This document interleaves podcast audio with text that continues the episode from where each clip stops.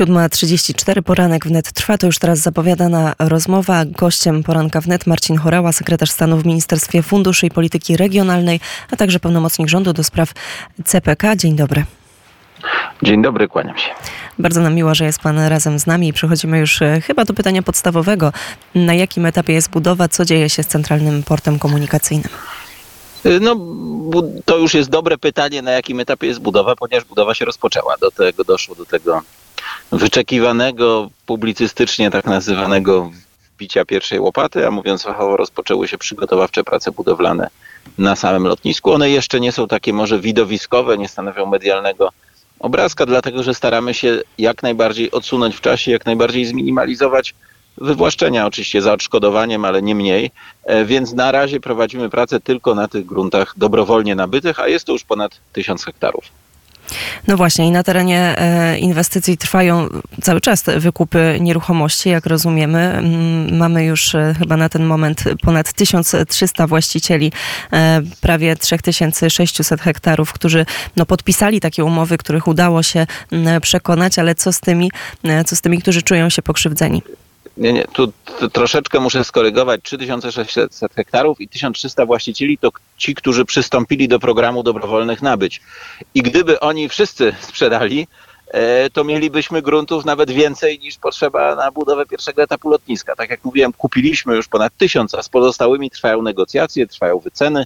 E, no ten proces, ten proces postępuje. E, więc na ten moment, bo pytanie było, co z tymi, którzy czuły się pokrzywdzeni. No, obiektywnie rzecz biorąc, nikt, kto dobrowolnie nie podpisał e, umowy sprzedaży, czyli jak mu nie odpowiadały warunki, to po prostu jej nie podpisywał, nie, nie, nie przekazał żadnego gruntu, więc no, Oczywiście po, poczucie pokrzywdzenia to trochę subiektywne, może ktoś mieć wrażenia wynikające z różnych czynników, ale prawda jest taka, że Takich osób obecnie nie ma. Natomiast e, no przyjdzie ten moment oczywiście wywłaszczenia za odszkodowaniem, tak jak w każdej inwestycji celu publicznego, tak jak w przypadku budowy autostrad, linii kolejowych, linii przesyłu energetycznego, rurociągów itd., tak itd. Tak no wszędzie tam, gdzie potrzebny jest jakiś grunt.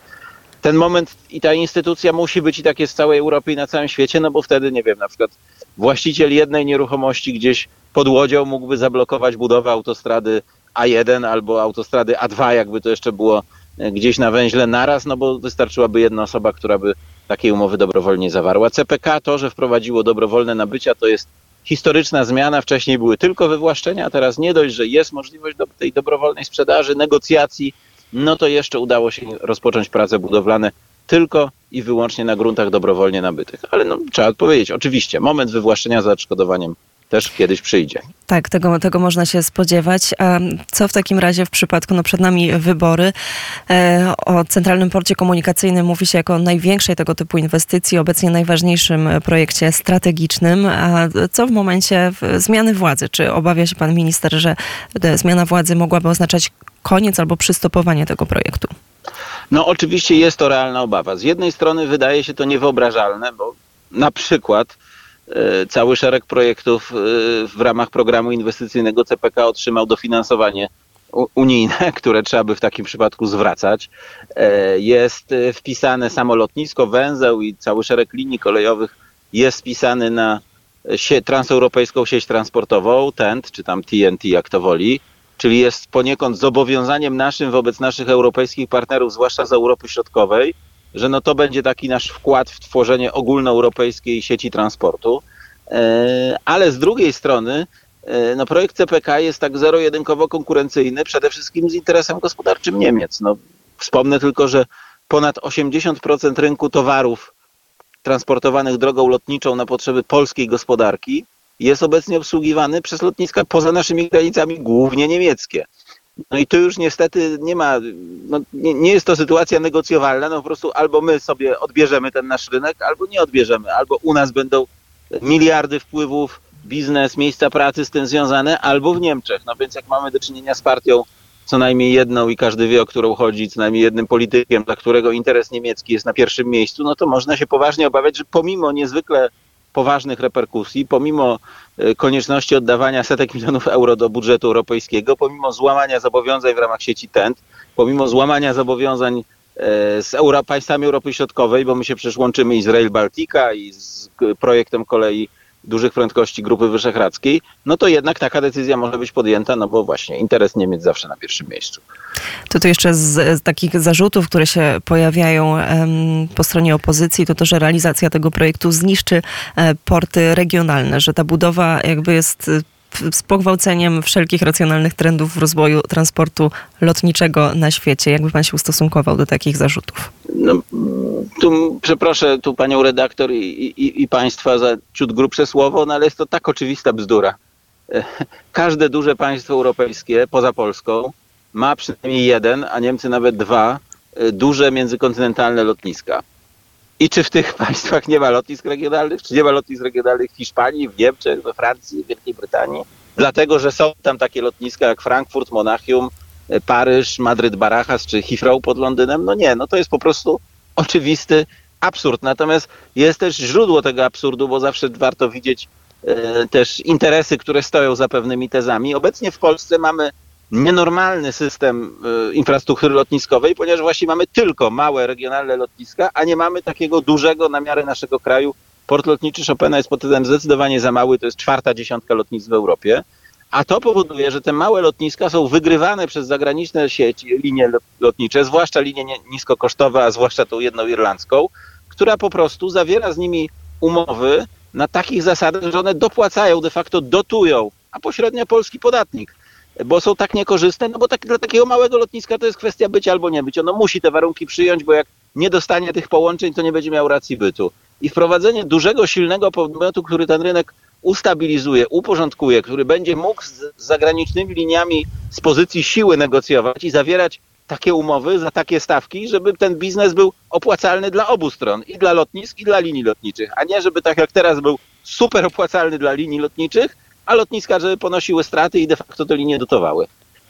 To jeszcze na zakończenie, no, wspomniał Pan w, w, kontekście tego pytania o tym, że większość tych dużych państw, ważnych ośrodków e, posiada tego typu megalotniska. Jak to wygląda w przypadku e, Polski? No bo my takiego doświadczenia nie mamy. W jakim stopniu korzystacie Państwo, w jakim stopniu korzystamy z ekspertyz, no właśnie, takich krajów, e, z wiedzy tych, którzy już mają po prostu doświadczenie przy tego typu projektach?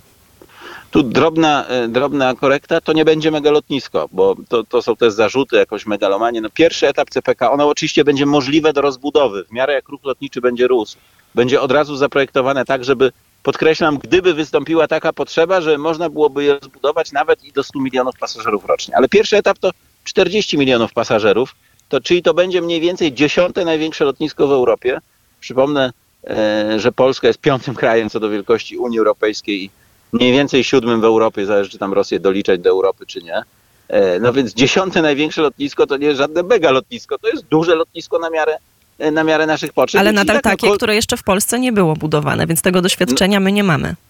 Tak jest. E, no więc korzystamy z tych doświadczeń. Oczywiście no, staramy się budować polskie kompetencje i staramy się, żeby zawsze w różnego rodzaju konsorcjach, które otrzymują kontrakty z CPK, był ten polski komponent, ale nie da się ukryć, że no są całe obszary, w których tych kompetencji dopiero musimy pozyskać.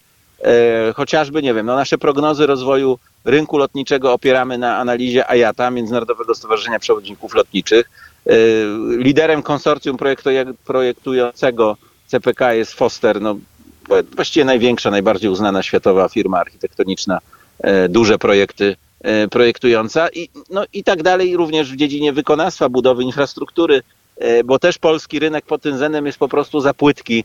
E, nie ma zdolności przerobienia aż tak wielkich zamówień i trzeba tutaj moce produkcyjne też pozyskać. No dzięki temu my otrzymujemy najwyższej światowej klasy know-how, wiedzę i zdolności, a z drugiej strony polskie firmy uczestnicząc w konsorcjach mogą je absorbować i budować swoje zdolności, z którymi potem będą mogły oferować swoje e, usługi również poza naszymi granicami. I myślę, że my jeszcze do tematu Centralnego Portu będziemy powracać także w porankach wnet i na naszej antenie. Ja tymczasem bardzo serdecznie dziękuję. Sekretarz stanu w Ministerstwie Funduszy i Polityki Regionalnej, a także pełnomocnik rządu do spraw Centralnego Portu Komunikacyjnego był gościem poranka wnet, pan Marcin Chorała. Bardzo serdecznie dziękuję. I ja bardzo dziękuję.